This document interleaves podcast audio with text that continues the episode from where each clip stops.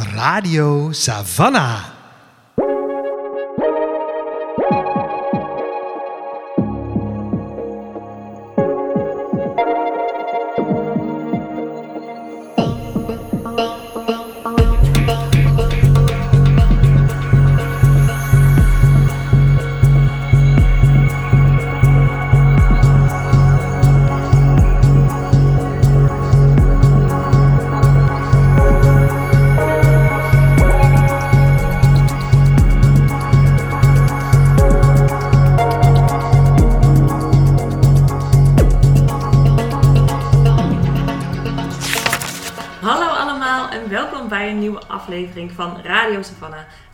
Van boekhandel Savannah B.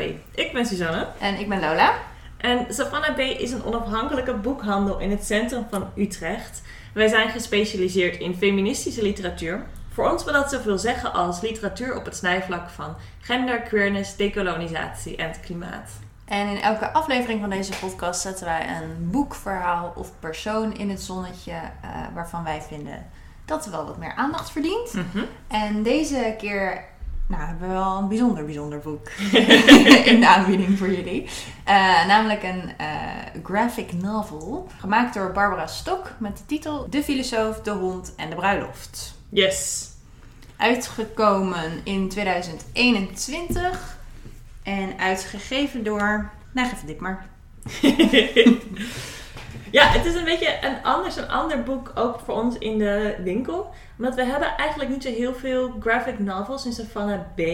En eh, het hoekje waar we graphic novels hebben liggen, dat zijn meestal YA, queer verhalen. Leuke coming of gender verhalen. Ja. Eh, en dit is eigenlijk een heel andere invulling van, de, van dat medium. En eh, het leest heel anders. En ja, ik vond het super leuk om te lezen. Ja, heel leuk. We duiken erin. Yes. Voor wie Barbara Stok niet kent. ehm, ja, Barbara Stok is toch wel een van de belangrijkste, in ieder geval de meest bekende eh, graphic novel makers van Nederland. Op het moment. En eigenlijk al een heel lange tijd. Ehm, ze is in de jaren negentig begonnen ehm, met haar autobiografische comics. eh, de Barbaraal-reeks. eh, waarin ze vertelt over haar eigen leven. En ze een heel leuke afwisseling heeft tussen het hele kleine alledaagse. En ik soort opletten naar wat iemand in het dagelijks leven zal. Tegen de kleine pijntjes en vragen waar je tegenaan loopt. Gekoppeld aan de meer existentiële vragen waar we toch ook met enige regelmaat tegenaan lopen. En omdat ze een vrij simpele tekenstijl heeft, geeft dat een hele interessante dynamiek in haar werk. En dat komt eigenlijk in al haar werk terug. Begon met de Barbaraal-reeks, maar is bijvoorbeeld ook heel duidelijk te zien in ehm, haar beroemde graphic novel over Vincent van Gogh. Die heet Vincent. Eh, die kwam uit in 2012. Eh, en dat was haar grote internationale doorbraak eigenlijk. Het is vertaald in allerlei verschillende talen en over de hele wereld heel mooi ontvangen. Ehm, en nu is er dus sinds een jaar weer een nieuwe graphic novel waar ze vijf jaar aan heeft gewerkt, heel veel onderzoek voor heeft gedaan, reizen heeft gemaakt. Eh, en dat is dus De Filosoof, de Hond en de Bruiloft. En dit boek is eigenlijk overal heel positief ontvangen. Eh, het krijgt overal eh, enorm veel sterren. Het zijn allemaal belangrijke lijstjes van beste boeken van het jaar en mooiste graphic novels eh, van Nederland opgenomen. En er staan ook alweer allemaal vertalingen te wachten. In 2022 wordt het boek al vertaald naar het Engels, het Frans, het Spaans, het Koreaans en het Chinees. Helemaal leuk. Ja, Ja, ja. ja. toch ook een beetje Hollands trots Ja, de wereld absoluut. over. Absoluut. nou, waar gaat dit boek nou over? Het gaat over Hipparchia, een van de eerste vrouwen die filosoof werd. Mhm. Zij woonde in Griekenland, eh, ergens rond 300 voor eh, Christus. En we ontmoeten Hipparchia als ze op het punt staat om naar Athene te reizen met haar, of naar haar broer toe.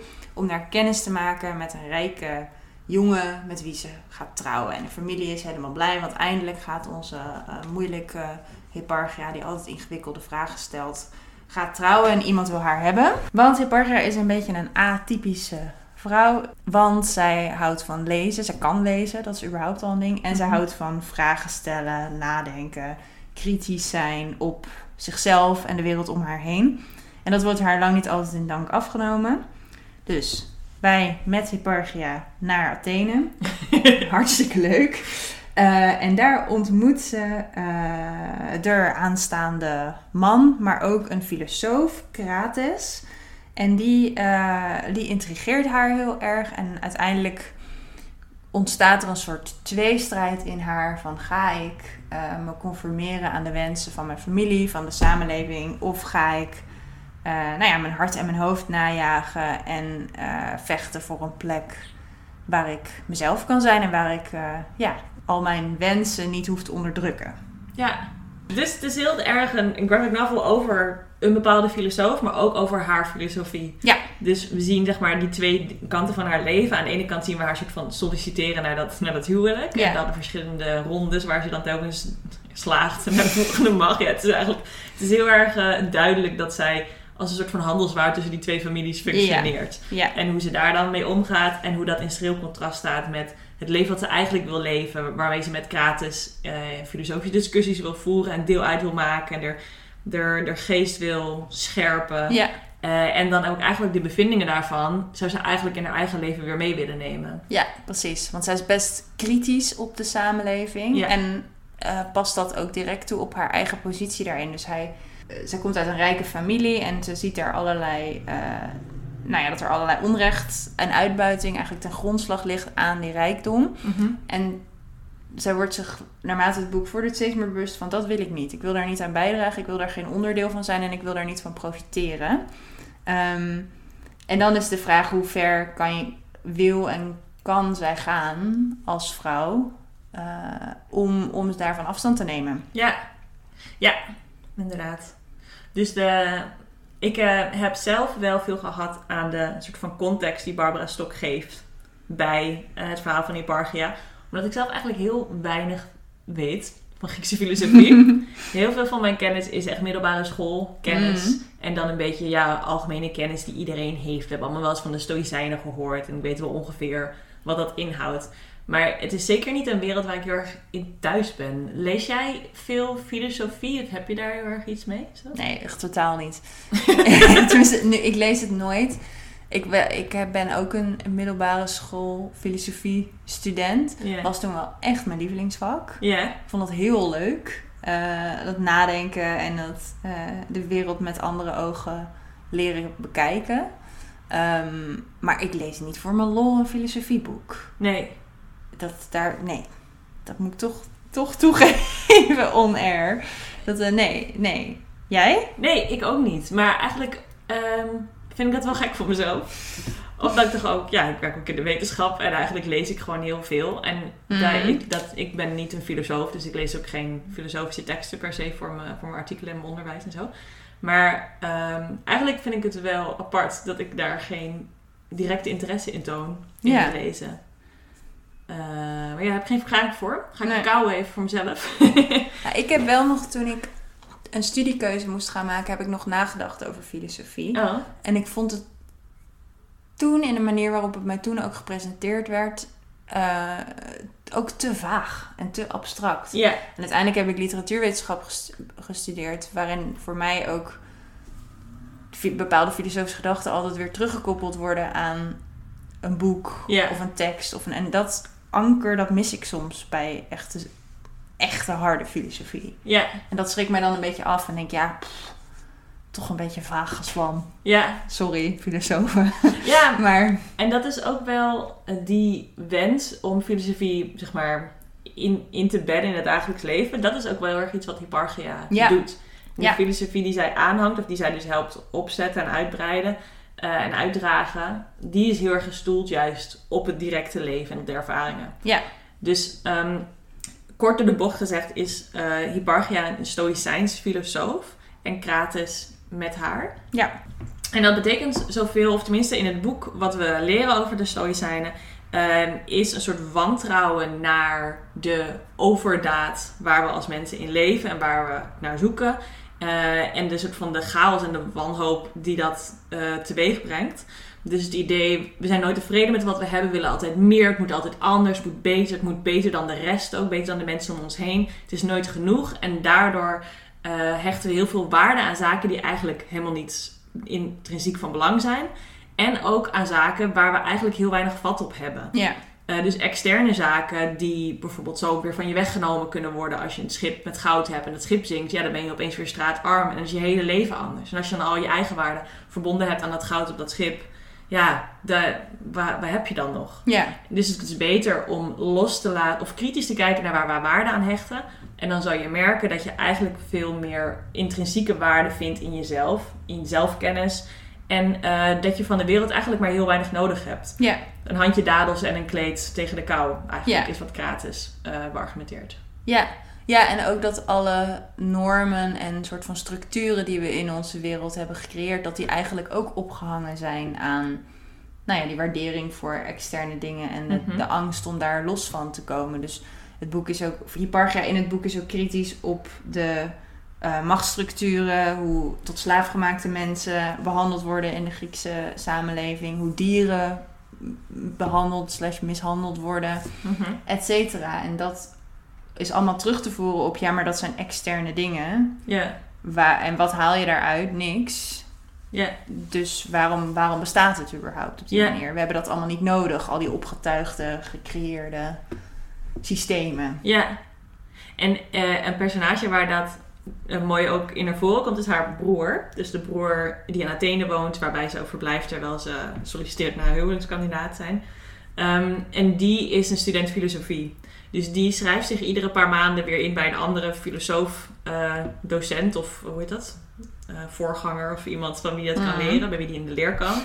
Ehm, en die eh, zit dus heel erg vast in het leren van boeken en in een bepaalde traditie. En dan telkens weer een kleine verschuiving naar een andere traditie. En dat komt daar helemaal niet uit. En het blijft voor hem ook allemaal heel vaag wat dat precies nou betekent en wat hij daar dan mee zou moeten. Ja, Het staat heel erg ver van hem af. En wat Krates doet en waar Hipparchia zo enthousiast van raakt en waar ze in, in meegaat, is juist het heel direct kijken van hoe ziet mijn leven er eigenlijk uit?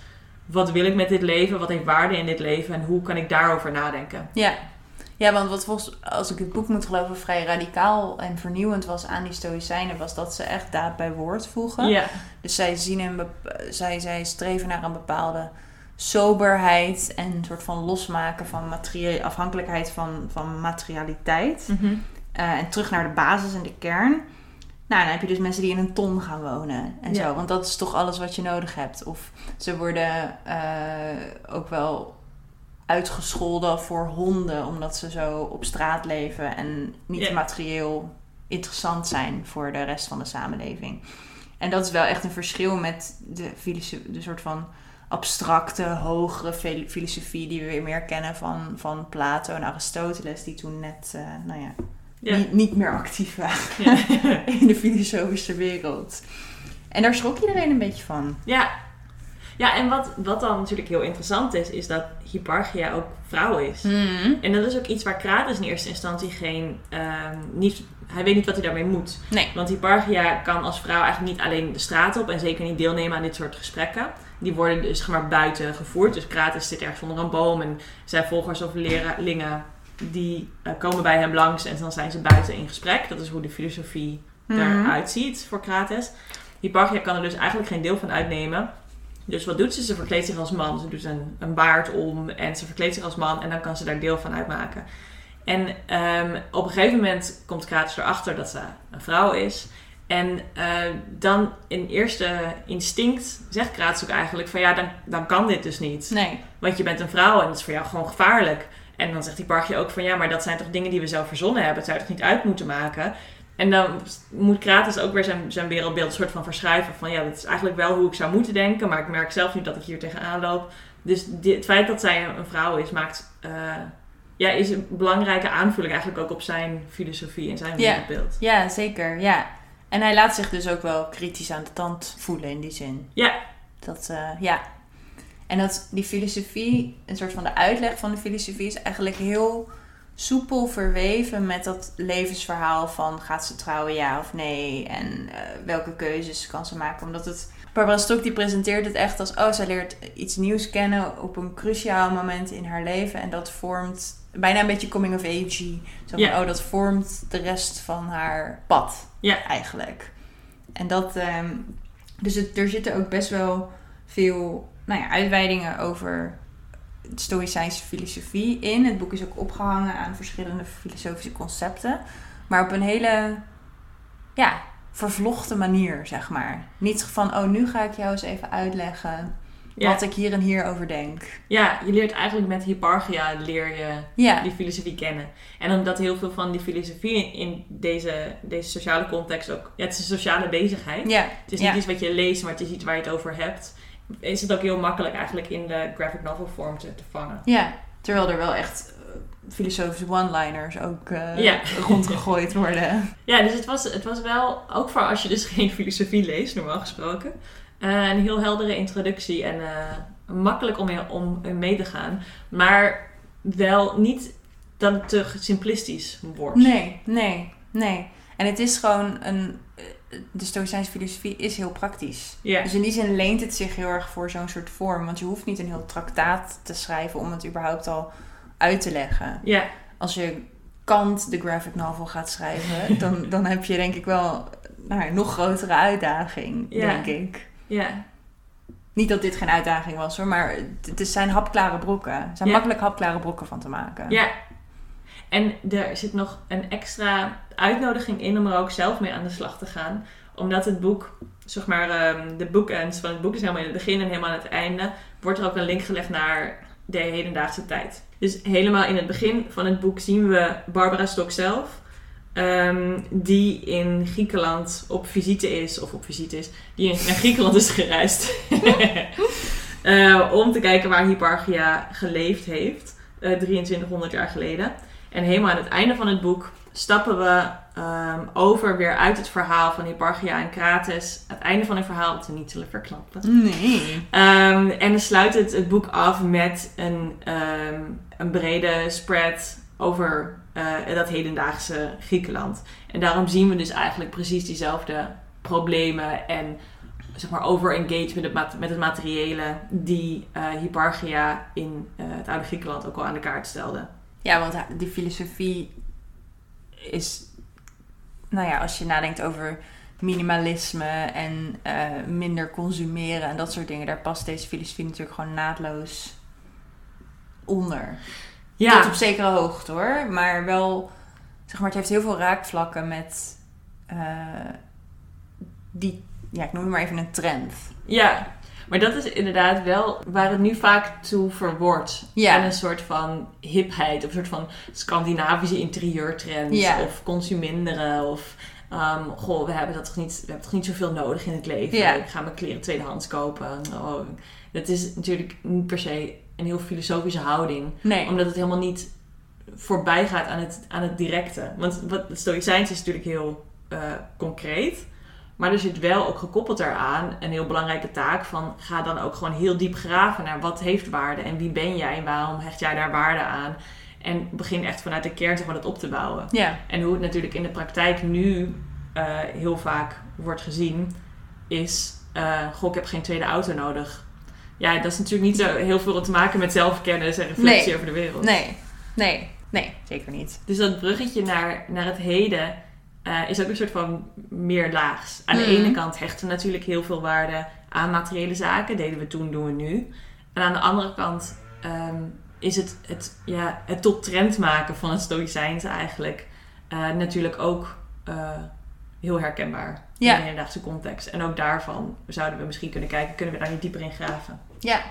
Barbara Stok schrijft ook nog in haar nawoord. ehm, ze heeft ehm,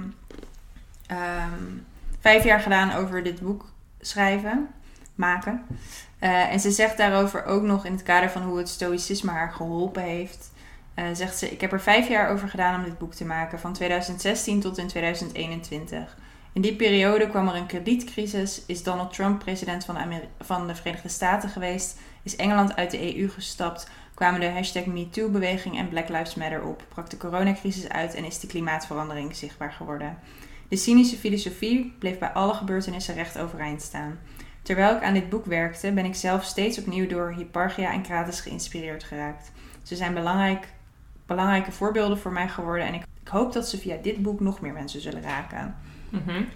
En dat is wel ook wel weer een leuke manier om te laten zien hoe filosofie je kan helpen. Ja, Ehm, en hoe zij dus in die grote globale eh, dingen die we allemaal meemaken, Mhm. daar heel veel troost in heeft gevonden. En misschien wel meer mensen dat ook doen, omdat dit minder eh, leeg voelt dan een quote op Instagram of zo. Zeg maar. Dat, dat zorgt dat je, zeg maar, je kan be- beïnvloeden hoe jij tegen de grote problemen aankijkt en hoe je ermee omgaat. Maar je kan die dingen zelf niet aanpakken. Los van of je het daar wel of niet mee eens bent. Kan wel in, in de overwhelming wereld van nu heel troostrijk zijn voor mensen. Ja. Hoe, hoe ehm, spreekt die filosofie jou aan? Is het iets waar je eh, zeg maar ruimte voor ziet in je leven? Past het een beetje bij jou kijk op het leven? Of is het heel iets waarvan je denkt, ja, het is interessant, maar dat is niet voor mij? Ik weet er niet zoveel van. Laat Nee, ik dat op- voorop gebaseerd op dit Gebaseerd op dit boek. ehm, vind ik het tegelijkertijd te makkelijk en te moeilijk. Mm. Ik vind het te makkelijk om bij bepaalde dingen te zeggen... ik trek mijn handen ervan af, want ik kan er toch niks aan doen. En het gaat erover hoe ik ermee omga. Ja. Te- volgens mij ga je dan aan je eigen eh, complicity voorbij. Ja. Tegelijkertijd eh, denk ik, ja, als je die gedachte helemaal doorzet, dan moet je dus in een ton gaan wonen. Nou, dat ga ik gewoon niet doen. dus aan de ene kant eh, gaat het me te ver en aan de andere kant gaat het me niet ver genoeg. Of, of te ver in een richting waar ik niet zoveel mee kan of zo. Nou ja, het is natuurlijk voor Krates. Hij gaat zoeken bij zichzelf waar die waarde aan hecht. En dan Ja. zegt hij nou, het is eigenlijk alleen die ton. Maar misschien zit er bij jou wel iets anders. Ja, dat is waar. Dus dan misschien woon je dan niet in een ton, maar woon je in het bos of woon je, weet ik het. Ja, ik weet niet waar jouw hart woont, maar...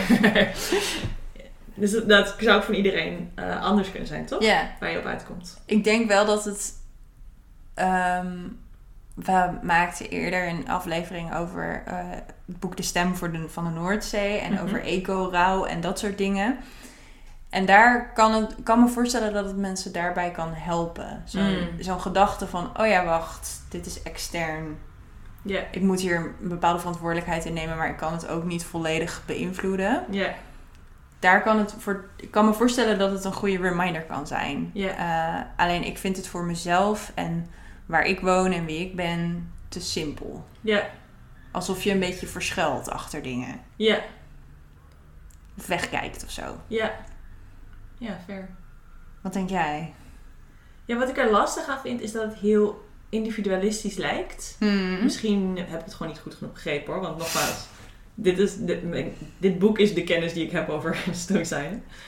Eh maar het lijkt heel erg als iedereen bij zichzelf te raden gaat van waar, komt, waar hecht ik waarde aan en waarom. Dat is denk ik wel een mooie oefening, maar dat kan niet het eindpunt zijn. Nee. Want wat, als jij ergens anders waarde aan hecht dan ik, moet ik dat dan negeren? Of eh, heeft dat dan geen plek in hoe ik eh, handel, zeg maar? Ja. Als ik alles alleen maar baseer op wat ik zelf belangrijk en mooi vind. Maar ja, dit is te- waarschijnlijk te simpel gedacht. Of het impliceert dat iedereen uiteindelijk in de kern hetzelfde belangrijk en mooi vindt. Wat gewoon ook niet. Klopt. Nou ja, wie weet. Als we het allemaal zouden gaan doen, misschien komen we er Ja, wel achter. wel. Ja. ja.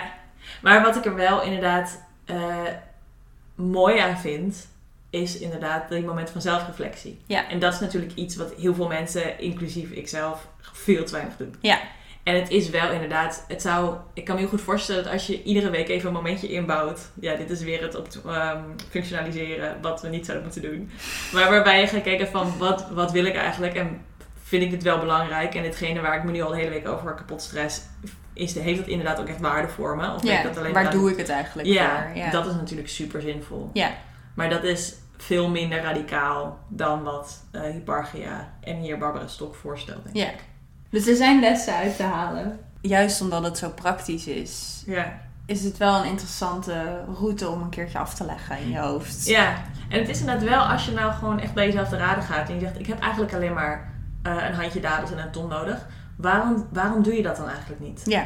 Dat is op zich natuurlijk wel een goede vraag om jezelf af te, een goede vraag om jezelf te stellen. Nou eh, hebben we het net en helemaal over de inhoud gehad van dit boek en het plot.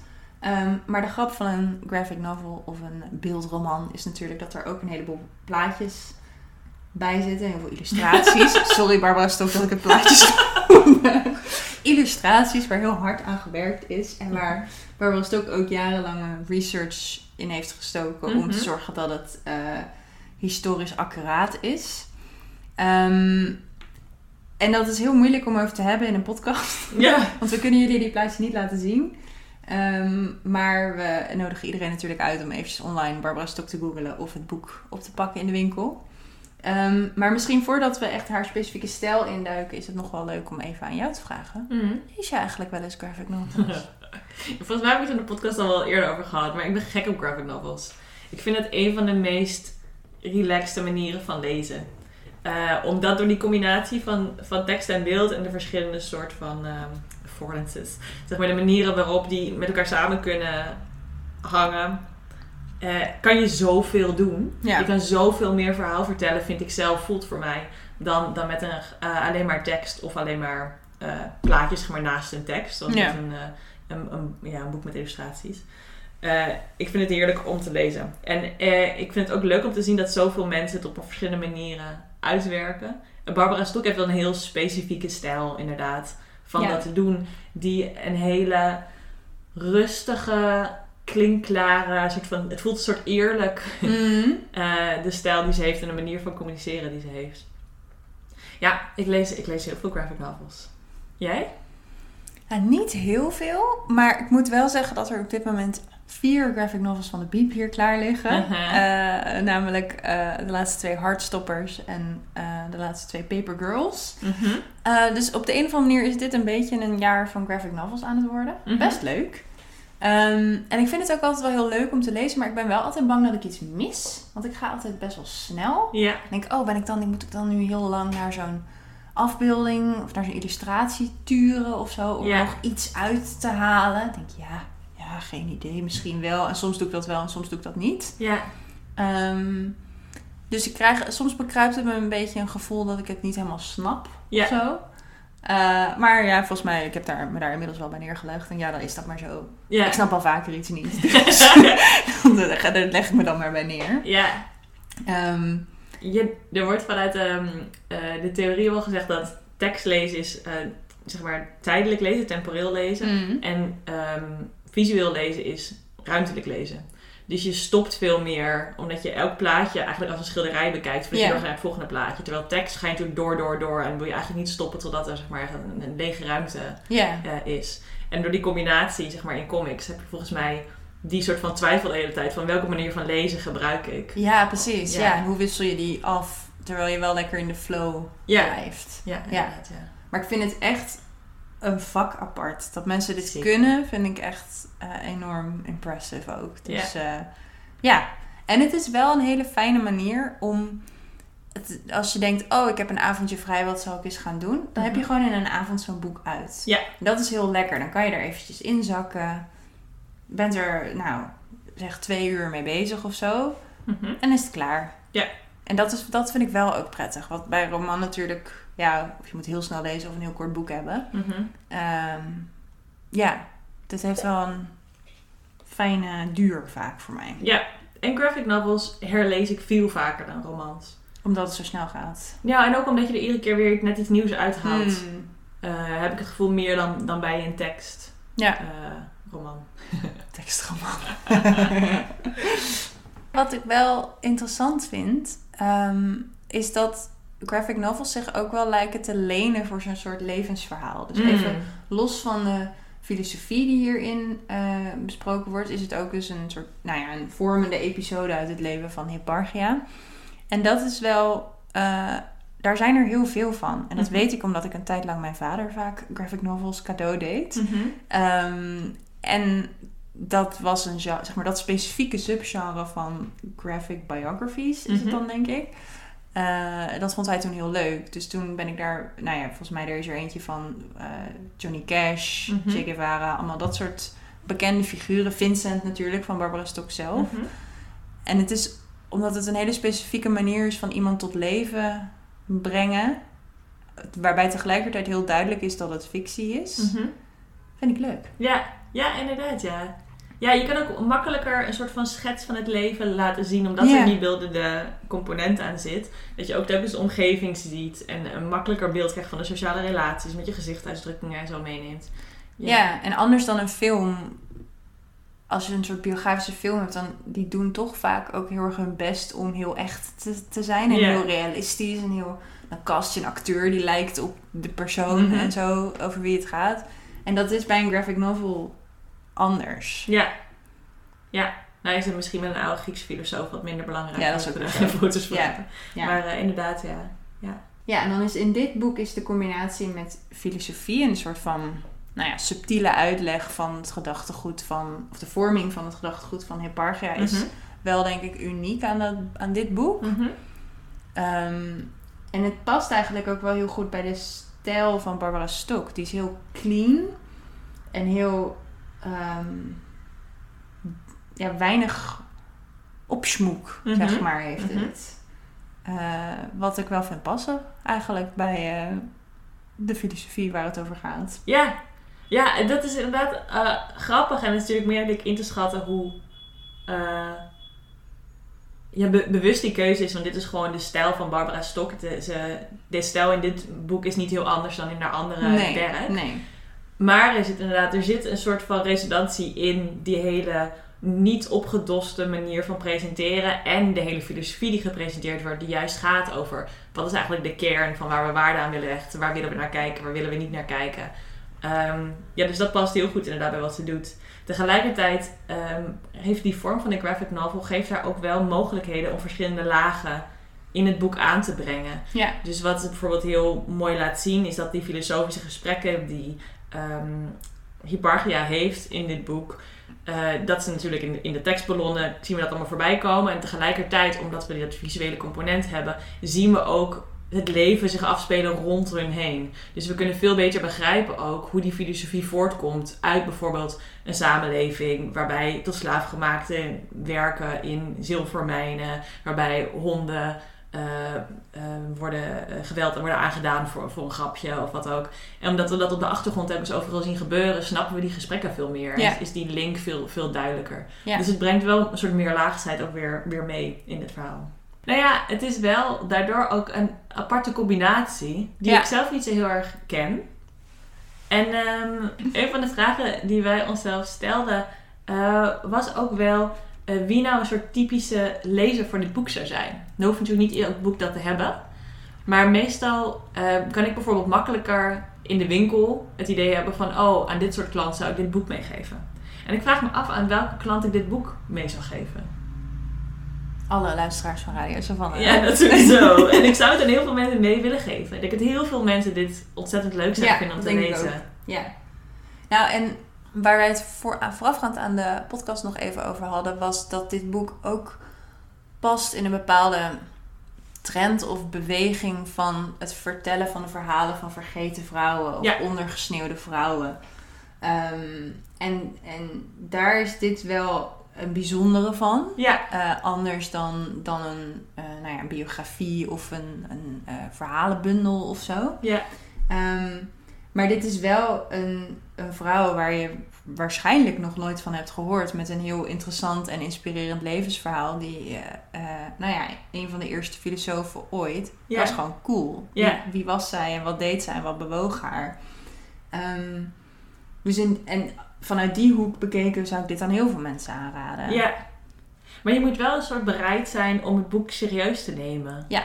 Je moet, eh, ja, dat klinkt nu misschien een beetje lullig. Maar omdat de, de, de stijl best wel heel, heel clean is eh, en het onderwerp, ja, zeg maar, de, de plot van het verhaal is best wel simpel. Ja. Je moet zelf, zeg maar, wel de engagement tonen om die diepte er, eruit te halen. Dus je moet wel een soort engagement hebben ook. En de verantwoordelijkheid voelen als lezer om, om dit serieus te nemen. Ja, en om het dan in deze vorm serieus te nemen. Inderdaad. Ja, dus het is wel eh, ook een, een beetje een appel op de lezer. Ja. Om er ook gewoon mee aan de slag te gaan. Wat wij wel heel erg aanraden natuurlijk. Zeker. Wij vonden het enorm de moeite waard. Ja, En met ons heel veel anderen. ja, Eh, maar het, is, het kan misschien voelen als een, als een gokje. ja. Maar eh, de moeite waard. Zeker, zeker, zeker, zeker. Met die eh, warme aanbeveling komen wij aan het einde van deze aflevering van Radio Savannah. Ehm, als je nu heel erg fan bent van Barbara Stok, en dat kan, want zij heeft een hele diehard fanclub. Mensen die echt voor het vuur gaan voor haar, voor haar werk. eh, dan horen we dat graag. En dan horen we graag wat je van dit boek vond. Waar ze toch ook zo lang aan gewerkt heeft. En waar we even op hebben moeten wachten met z'n allen. Laat het ons dan vooral weten wat je van het boek hebt gevonden. Eh, geef ons natuurlijk ook wat mooie sterren op de podcast-app die je gebruikt. En eh, kom langs in de winkel om het Ja, eens op te pakken en het erover te hebben. Ja.